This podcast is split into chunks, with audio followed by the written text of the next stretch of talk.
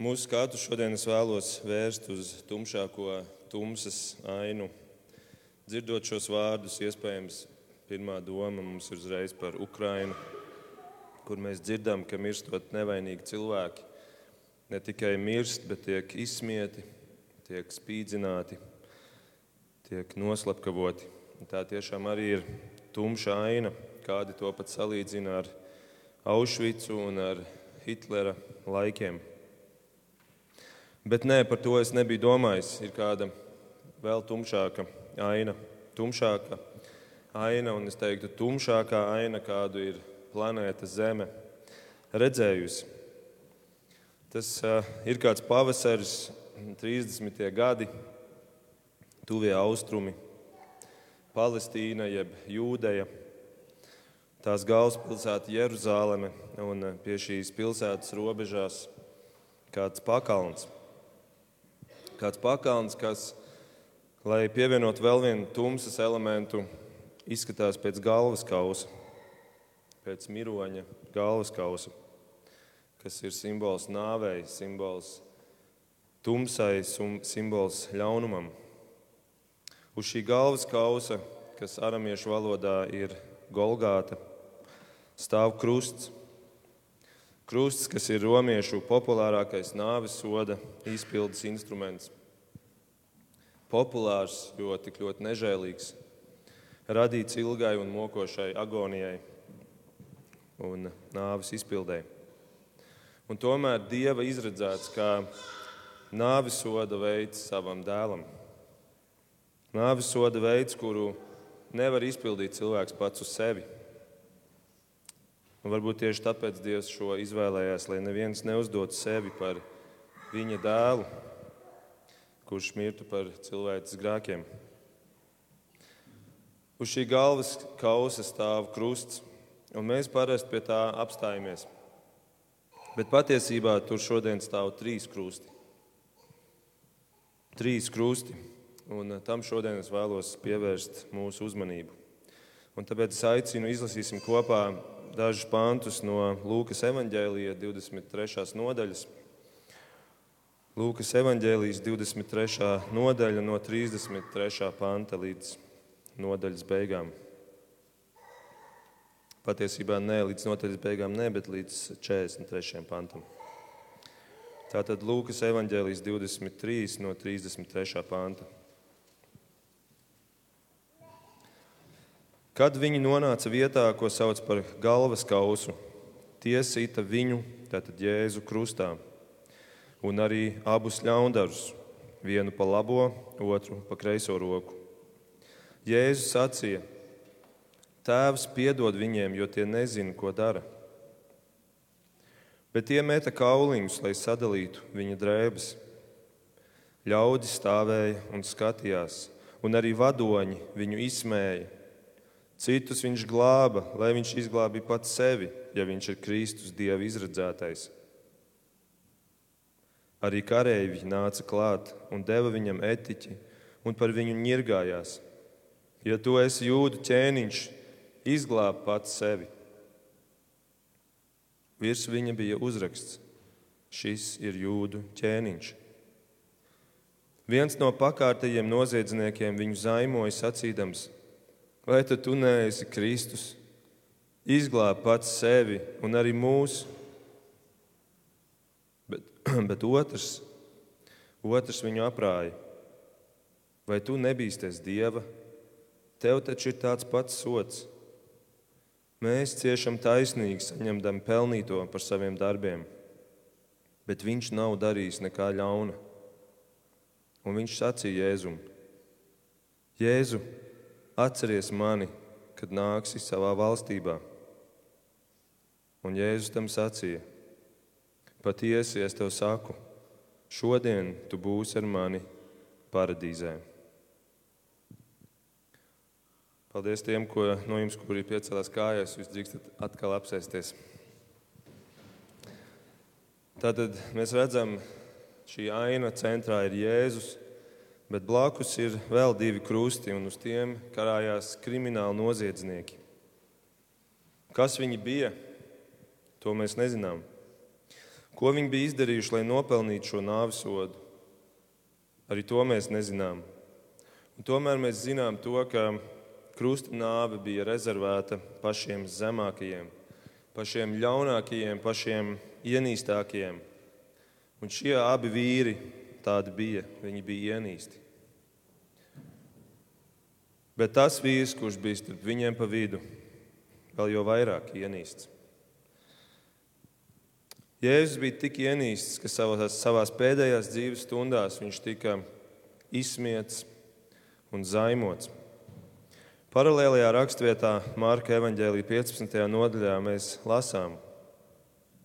Tie, kas gāja garām, zaimoja viņu, grozīja galvu un teica: Ā, tempļa nojaucējs un uzcēlējs trijās dienās, glāb nu pats sevi, kāp no krusta zemē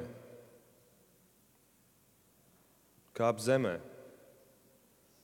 Ja tu esi Dievs, kāp zemē.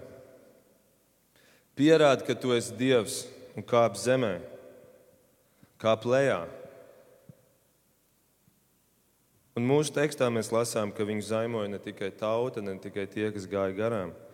Arī jūdu garīgie vadoņi, mūsu teksts 35. pantā, un arī vadoņi viņu izsmēja Citus viņš glāba, lai izglābi pats sevi, ja viņš ir Kristus Dieva izredzētais. Un arī krievu kareivi, es atvainojos, romiešu kareivi, arī kareivi 36. un 7. pantā nāca klāt un deva viņam etiķu un par viņu ņirgājās. Ja tu esi jūda ķēniņš, izglābi pats sevi. Visi par viņu ņirgājās. Kā Jēzus jutās? Redziet, Jēzus šeit netiek tikai fiziski spīdzināts. Jēzus netiek tikai izkropļots,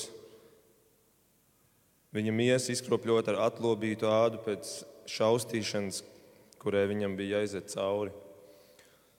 Sists līdz asinīm, ar ērkšķiem, caurdurtu galvu, ar kājām un rokām, kuras bija caurnaglotas, ar elpas trūkumu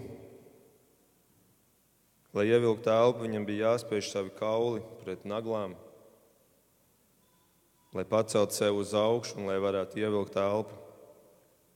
Jo krusta nāve bija galvenokārt nosmakšanas nāve. Ar ūdeni, kas sāk krāties plaušās, un tu vairs nevari normāli ievilkt to elpu.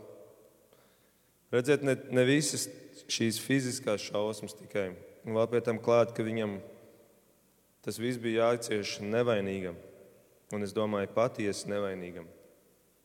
Nevis tā kā mēs šodien cilvēku saucam par nevainīgiem, bet patiesi nevainīgam. Tad ne tikai viss šīs fiziskās ciešanas, bet arī garīga, morāla un sociāla izvarošana, esot pie šī krusta un visiem izsmējot viņu. Visiem izsmējot viņu.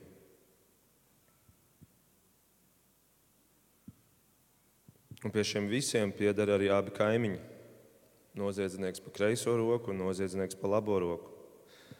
Lūka neapraksta, kā abi viņu zaimo, bet Matejs gan. Mateja evanģēlī 27. nodaļā ir rakstīts, tāpat arī laupītāji, kas kopā ar viņu bija krustā īsti zaimoja viņu. Arī abi šie laupītāji zaimo Jēzu. Šī ir patiesa tumša stunda pasaules vēsturē. Patiesa tumša stunda pasaules vēsturē. Bet pat visdziļākajā tumsā var iespīdēt gaismas stars. Un tieši tas ielaužās šajā notikumā.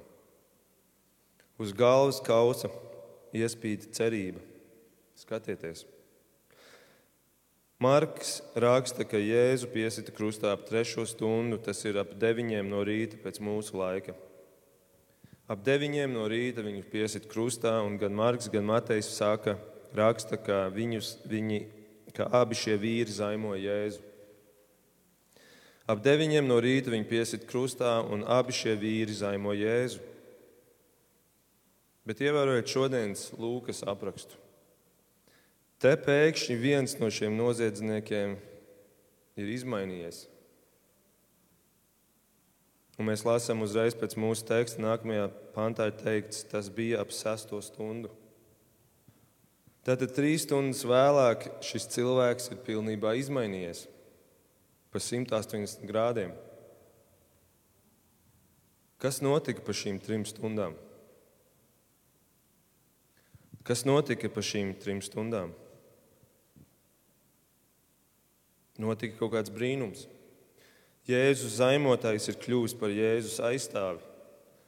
Ir notikusi atgriešanās, un ziniet, šī ir pirmā atgriešanās jaunajā derībā, jo jaunā derība sākās ar Golgātu.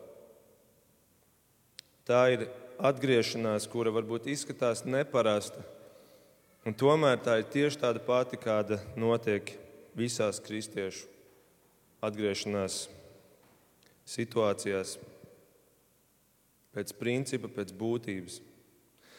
Šis ir vispilgtākais Dieva žēlstības piemērs visā Bībelē. Un caur žēlastību mēs visi esam glābti. Mēs visi tiekam glābti.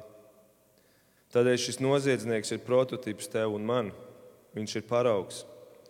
Un viņš šajā īsajā sarunā atklāja kādas pazīmes, kurām ir jābūt visos atgriešanās stāstos. Mēs tur redzam četras pazīmes. Četras pazīmes, kuras atradīs visos patiesajos arī kristiešos. Pirmā pazīme ir dievbijība, jeb dieva bijāšana, jeb bijība pret dievu. 39. un 40. pantā mēs lasījām, viens no pakārtajiem noziedzniekiem viņu zaimoja, sacīdams, vai tu neesi Kristus, izglāb pats sevi un arī mūs. Bet otrs viņu aprāja, vai tu nebīsties Dieva? Es atgādinu, pirms trīs stundām abi šie noziedznieki zaimoja Jēzu. Un trīs stundas vēlāk šī zaimošana turpinās, bet vairs tikai no tā viena vīra. Jo pēkšņi šis otrs vīrs aprāja viņu par zaimošanu. Aprāja, un tas otrs noteikti domāja, kas ar tevi noticis? Kas ar tevi noticis? Mēs taču tikko vēl kopā lamājām Jēzu. Bet jā, viņš tagad aprāja savu draugu. Tur ir radusies kaut kāda jauna nostāja, kaut kas ir izmainījies, ir radusies kaut kāda bijība. Un kā mēs sarunas turpinājumā redzēsim, tā ir bijība pret Dievu. Tā nav tikai tāda empātija pret Jēzu, kurš, kurš tur pie krusta cieši jo viņi paši jau arī tāpat cieta fiziski. Bet tā ir bijība pret Dievu. Un, ziniet, bijība pret Dievu nav cilvēkam dabiska. Pāvils Romiešiem 3 raksta par cilvēkiem šādi ļoti skarbs teksts. Viņš raksta, nav neviena taisna, neviena paša Nav neviena, kas saprot, nav neviena, kas meklē Dievu. Visi ir aizgājuši no Dieva, visi ir kļuvuši vienlīdz nederīgi. Nav neviena, kas dara labu, pat viena nav. Un tad viņš šo visu noslēdz 18. pantā ar vārdiem: Dieva bijības nav viņu acu priekšā. Dieva bijības nav, un te ir runa par viņiem visiem, Jo neviena nav laba un nevienam cilvēkam nav bijības Dievu priekšā.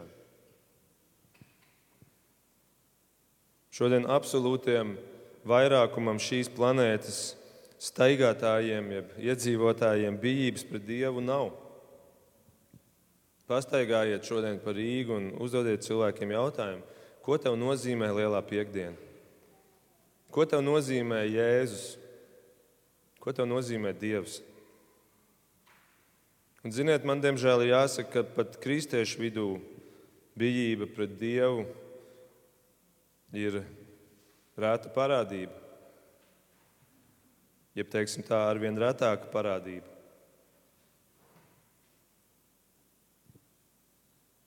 Bijība pret Dievu ir tur, kur Dievs ir liels manās acīs. Bet bijība pret Dievu ir maza tur, kur Dievs ir mazs manās acīs. Es esmu liels, Dievs ir nav nemaz tik liels. Viņš ir lielāks par mani, bet viņš nav tik liels, lai man būtu bijība pret viņu. Tādēļ tāda doktrīna par brīvo gribu ir tik populāra kristiešu vidū. Jo es gribu, ka kontrole paliek manās rokās, nevis ka Dievs kontrolē manas dzīves gaitas, ieskaitot manu glābšanu. Bet bijība pret Dievu rodas, kad tu ieraugi viņu tāds, kāds viņš ir. Tad, kad Dieva vārds tev atklāja to, kāds viņš ir, tad, kad viņš pats tev atklāja sevi, kāds viņš ir, ka viņš ir visspēcīgs, ka viņš ir suverēns Dievs. Un tas ir šodienas stāsts par šo noziedznieku. Mācītājs Džons Makārtūrs saka, parastais cilvēks nedzīvo ar dieva bijību. Viņš ir jānoved līdz dieva bijībai. Tas nerodās dabiski. To var izdarīt tikai pats Dievs, tikai svētais gars. Un tieši tas, acīm redzot, šeit ir noticis ar šo noziedznieku pie krusta. Citu izskaidrojumu nav. Trīs stundu laikā pagriezties pa 180 grādiem Atcerieties, ir vēl viens līdzīgs piemērs Bībelē. Tas ir Sauls, arī viens liels noziedznieks, kurš dodas uz Damasku. Viņam ir plāns nokaut kristiešus, nodot kristiešus, apturēt Jēzus darbu. Tur nav nekā laba viņā, ko Dievs varētu teikt. Nu, kaut kas mazliet jāpa, jāpagriež viņa, viņa zobratiņos, un tad viņš kļūs par labu cilvēku. Bet Jēzus nostājas viņu priekšā un pagriež viņu pa 180 grādiem. Un ar visu to enerģiju, ar kādu saules gāja, slepkavot kristiešus, ar to pašu enerģiju viņš iet pēkšņi sludināt Kristu. Un te notiek tas pats. Suverēnā dieva griba izmaina šī vīra gribu un no dieva zaimotāja viņš pēkšņi pāris stundu laikā kļūst par dieva bijātāju. Vai tu nebīsties dieva? Viņš jautā savam draugam. Vai tu nebīsties dieva? Atskan arī tev un šodien, draugs. Tātad dievbijība ir pirmā izmaiņa, kuru mēs redzam šajā cilvēkā. Tā ir tā pirmā pazīme. Otrā pazīme ir grēka apziņa.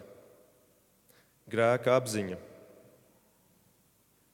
41. pantā mēs lasām, viņš saka, mēs ciešam taisnīgi, saņemdam pelnīto par saviem darbiem.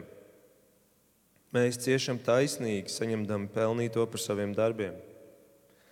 Tātad noziedznieks šeit atzīst savu grēku. Viņš saka, ka Mēs esam pelnījuši šeit karāties, mēs esam pelnījuši šo nāvis sodu.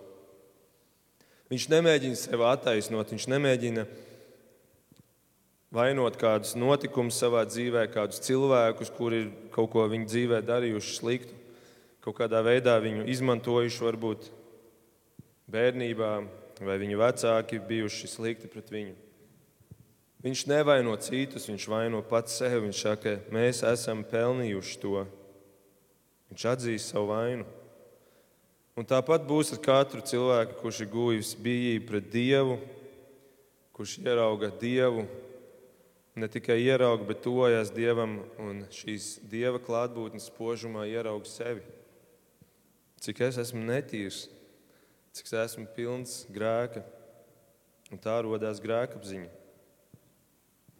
Šim noziedzniekam noteikti bija daudz grēku.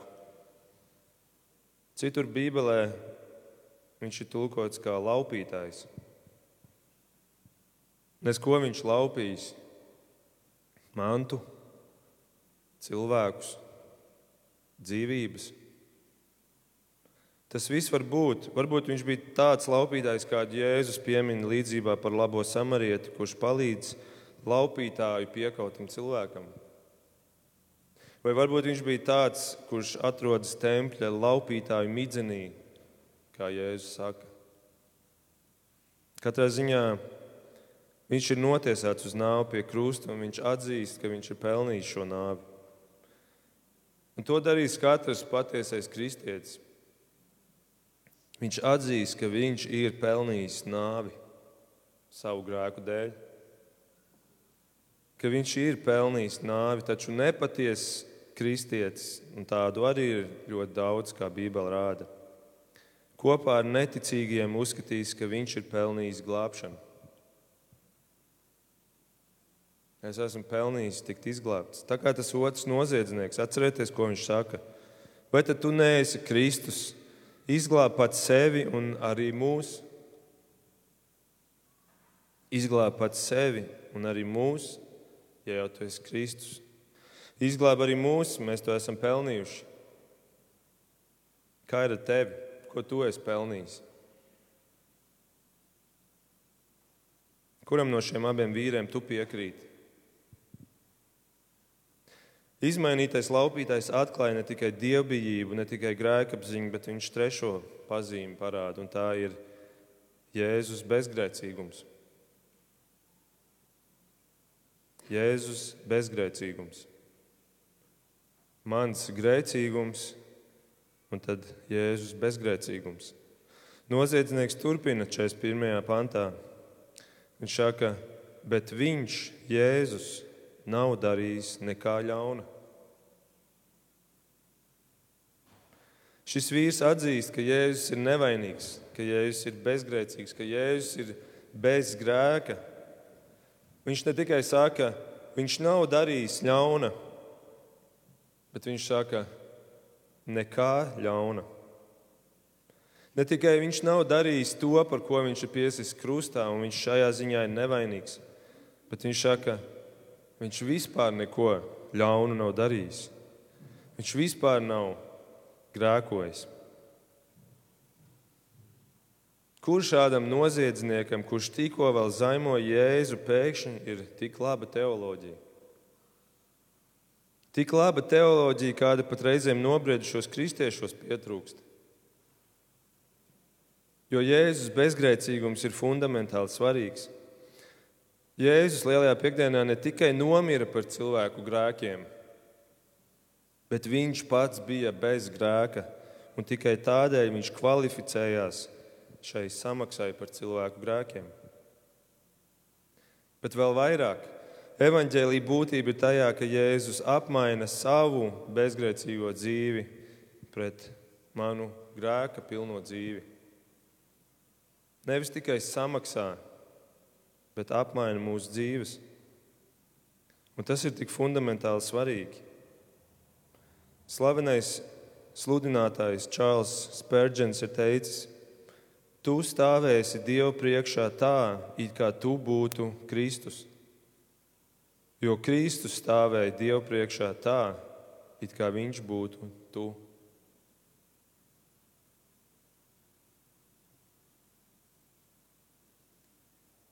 Jēzus Golgātā karājās pie krusta Dievu priekšā ar cilvēka grēku, lai grēcinieks varētu stāvēt Dieva priekšā ar Jēzus bezgrēcīgo dzīvi, samaksāt par Jēzus bezgrēcīgo dzīvi un, un samaksāt vienkārši parādu, tas jau ir daudz, vai ne? Bet cik daudz vairāk ir, ka tu apmaini dzīvi pret otru? Iedomājies, tev ir kāds nesamaksājums kredīta parāds. Ir brīnišķīgi, ja rodas kāds bagāts cilvēks, kurš iežēlojas par tevi un, un samaksā tavā vietā šo kredītu, šo parādu.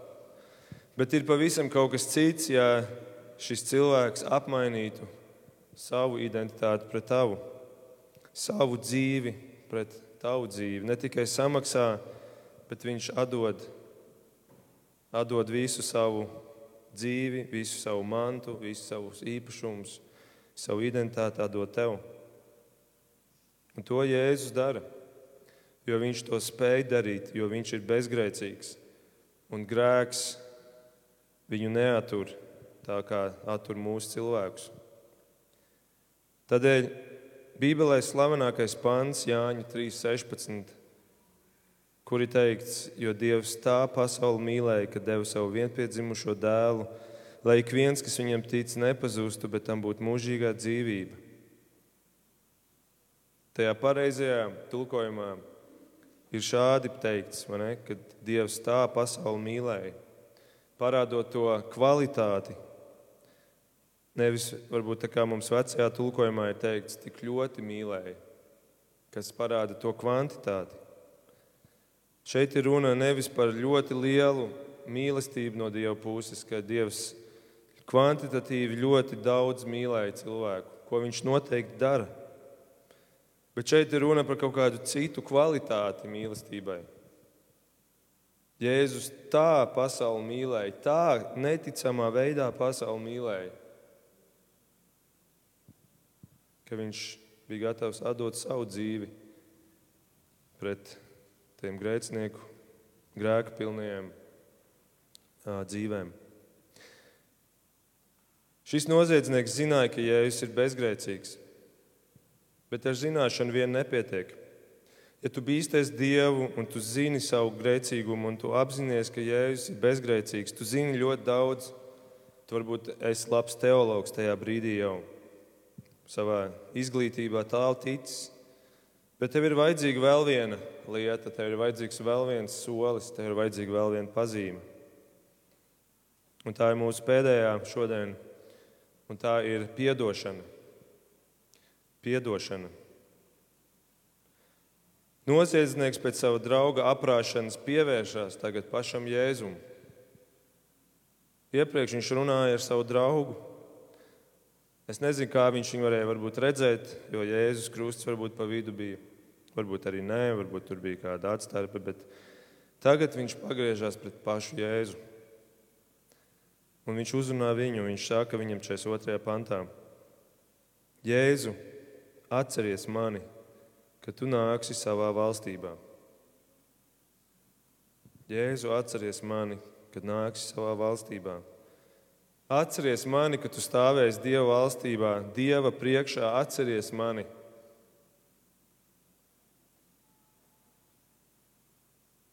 Vai Jēzus viņu atcerēsies? Šodien no nākotnes skatu punkta atskatoties atpakaļ, mēs varam uzdot jautājumu, vai Jēzus viņu atcerējās. Bet viņam šis jautājums ir, vai Jēzus atcerēsies. Visu izšķirs tas, vai Jēzus gribēs mainīt savu dzīvi pret šī noziedznieka nožēlojamo dzīvi. Vai Jēzus gribēs mainīt? Blakus viņam otrs noziedznieks saka, kāp zemē, kāp lejā no krusta. Tauta kliedz, kāp lejā un glāb sevi. Jūda priesteris sauc, kāp zemē, ja esi dievs. Romiešu karēji ņirds, kāp taču lejā. Kāp lejā, ja tu tiešām esi Dievs. Vai Jēzus varēja nokāpt? Un kā vēl viņš varēja ar vētrām un zemestrīcēm, viņš varēja nokāpt zemē? Tad ko viņš atbild? Ko Jēzus atbild? 43. pēdējais pants.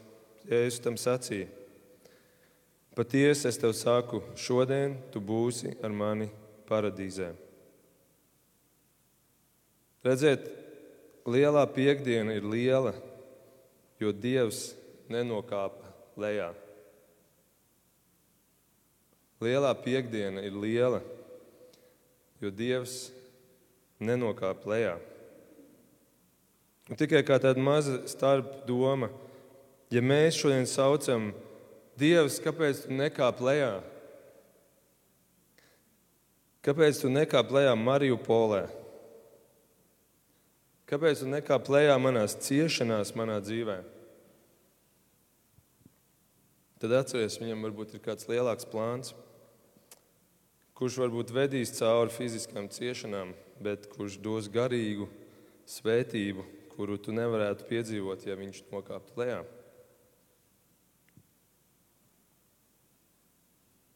Jēzus nenokāpa lejā no krusta. Un paldies viņam par to. Viņš palika tur līdz galam.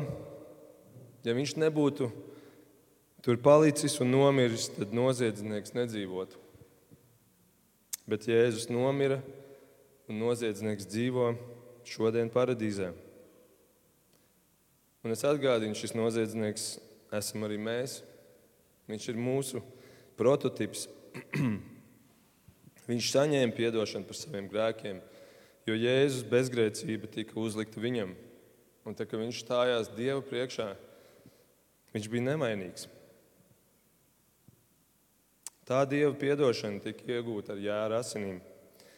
Jēra Jēzus asinīm, un ebrejiem 9 teikts, Kristus ir upurēts reizi par visām reizēm, lai daudzu cilvēku grēkus izdeldētu. Starp šiem daudzajiem ir šis noziedznieks. Viņš jaunajā derībā bija pirmais, pirmais kurš nomira kā jaunās derības kristietis. Jo Bībele apliecina, ka Jēzus nomira pirmais no viņiem trim. Tagad romiešu kareivi nāk un viņiem ir jānovāc šie vīri no krusta, jo tuvojās sabats. Tad šiem abiem noziedzniekiem tiek salauzti ceļi lai viņi nosmaktu. Bet, kad viņi pienāk pie Jēzus, Jēzus jau ir miris. Tad ir sākusies jaunā derība, jaunie laiki.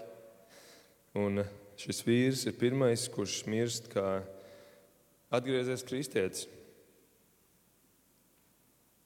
Un pēc viņa seko vēl daudzi, kuru grēki ir izpirkti. Un Jēzus viņam saka, šodien tu būsi ar mani paradīzē. To Jēzus viņam teica, un uh, mirkli vēlāk viņi satikās atkal tur paradīzē. Bet šis vārds šodien, šis vārds šodien apliecina šo žēlastību visā šajā darbā. Jo šis vīrs neko vairs nespēja izdarīt, lai nopelnītu savu glābšanu. Viņa rokas un kājas burtiski bija pienaglotas pie dēļa, viņš nevarēja neko izdarīt vairs. Viņam darbos bija apaļ nulle ierakstīta. Un cilvēki, kur tur stāvēja, noteikti nesaprata šo jēzus atbildi. It īpaši jūdu garīdznieki, kuri, kuriem likās, nu jā, nu, jēzu mēs pa, pa īstam un pamatot piestām pie krusta, jo redz, viņš atkal zaimo. Viņš atkal kaut ko stāsta, kas nevar būt patiesība, jo glābšanai ir vajadzīgi darbi. Bet tā ir žēlastība, ko Jēzus šeit parāda. Tu šodien ar mani būsi paradīzē. Un tas vārds, šis viens vārds šodien nojauc visu darbu teoloģiju, nojauc visu purgatorijas teoloģiju un atklāja pilnīgu žēlastību. Pilnīgu žēlastību. Bet kā ir ar otru noziedznieku? Viņā mēs neredzam bijību pret Dievu. Mēs nelasām, ka viņš atzītu savus grēkus. Mēs nelasām, ka viņš teiktu, ka Jēzus būtu bez grēka. Iespējams, viņš vēl turpināja zaimot Jēzu. Un varbūt pat zaimot to otru noziedznieku, kurš tagad ir redz, nostājies Jēzus pusē. Viņa ceļš neveda uz paradīzi kopā ar Dievu. Viņam tās bija atvedas no Dieva uz mūžu. Kā jūs varat iedomāties, es katru dienu noslēdzu ar lūkšanu, bet kā jūs varbūt nevarat iedomāties, ir, ka es dažreiz nogurdinošas dienas eh, rezultātā dažreiz aizmiegu lūkšanas laikā. Vienkārši tu lūdz un tu, tu iemiedz, jo tu esi pārguris. Es atzīstos, es esmu arī cilvēks, un ar mani tas arī kādreiz notiek. Un šajā nedēļā es atkal vienreiz lūdzu, un, un, un es lūdzu, un es pateicu vārdu, šo teikumu. Es pateicu, pamiegam, jau guļot gandrīz, es teicu, es atvados no tevis, Dievs. Un tā kā es to biju pateicis, es tik spilgti atceros, ka es uzreiz pamodos. Jo es sapratu, ko es tikko biju pateicis. Es biju pateicis iespējams visbriesmīgāko teikumu savā dzīvē. Es atvados no tevis, Dievs. Cilvēks nav radīts, lai veiktu šādu darbību, kurš sauc par atvadas no Dieva. Bet tieši to šis otrais noziedznieks dara. Viņš atvadās no Dieva.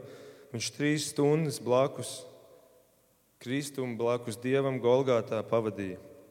Pirms tam desmit gadus ar Dieva žēlastības klātbūtni savā dzīvē, saņemot rokas un kājas dzīves baudīšanai. Bet nu, viņš atvadās no Dieva. Viņam ir jāatvadās no Dieva, jo Dieva blakus vairs nebūs. Viens dodas uz paradīzi, otrs uz elli. Un, ziniet, varbūt tas vienīgais labais, ko mēs varam saskatīt no kara Ukrajinā, ir tas, ka varbūt tas mums liek vieglāk iztēloties elli. Tas ir tikai mazs atspūgs no tā, kas ir elle. Bet šis otrs vīrs dodas uz elli. Redzēt, tā lielā piekdiena, tā šis krusts ir tādas krustceles no kurienes aizved divi ceļi, viens pa labi, otrs pa kreisi. Un Dievs, kā vislabākais dramaturgs, ir ielicis šo notikumu tā, ka ir šie divi vīri blakus Jēzum. Un parāda to simbolu, kā notiek ar visiem cilvēkiem, kuriem būs jāizdara izvēle iet vienu ceļu vai otru. Tur nav vairs trešās iespējas. Pa kuru ceļu tu šodien izvēlēsies iet? Atceries, rītdien tev nav garantēta. Tev šī izvēle ir jāizdara. Un tas jautājums ir, kurš no šiem noziedzniekiem esi tu? Lūksim Dievu. Debes Tēvs, paldies Tev par šo pasauli, kuru Tu mums esi devis, par to žēlastību, vispārīgo žēlastību, kuru mēs varam saņemt visu savas dzīves gaitā ar to vien, ka saule spīd un ka mums aug labība un mums ir ko ēst un mums ir pietiekami silts uz šīs planētas, ka mums ir dota miesa un rokas un kājas un, un maņas, un tas viss ir dots mums, lai mēs varam baudīt šo dzīvi un tev teikt paldies par to. Bet paldies, kungs, ka tu arī nāc pie mums un parādi šo žēlastības ceļu, kas ir ne tikai šīs pasaules žēlastība, bet kas atver durvis uz to īsto dzīvi, kurā mēs pavadīsim mūžību, kas ir daudz ilgāka par šo īso dzīves laiku šeit virs zemes.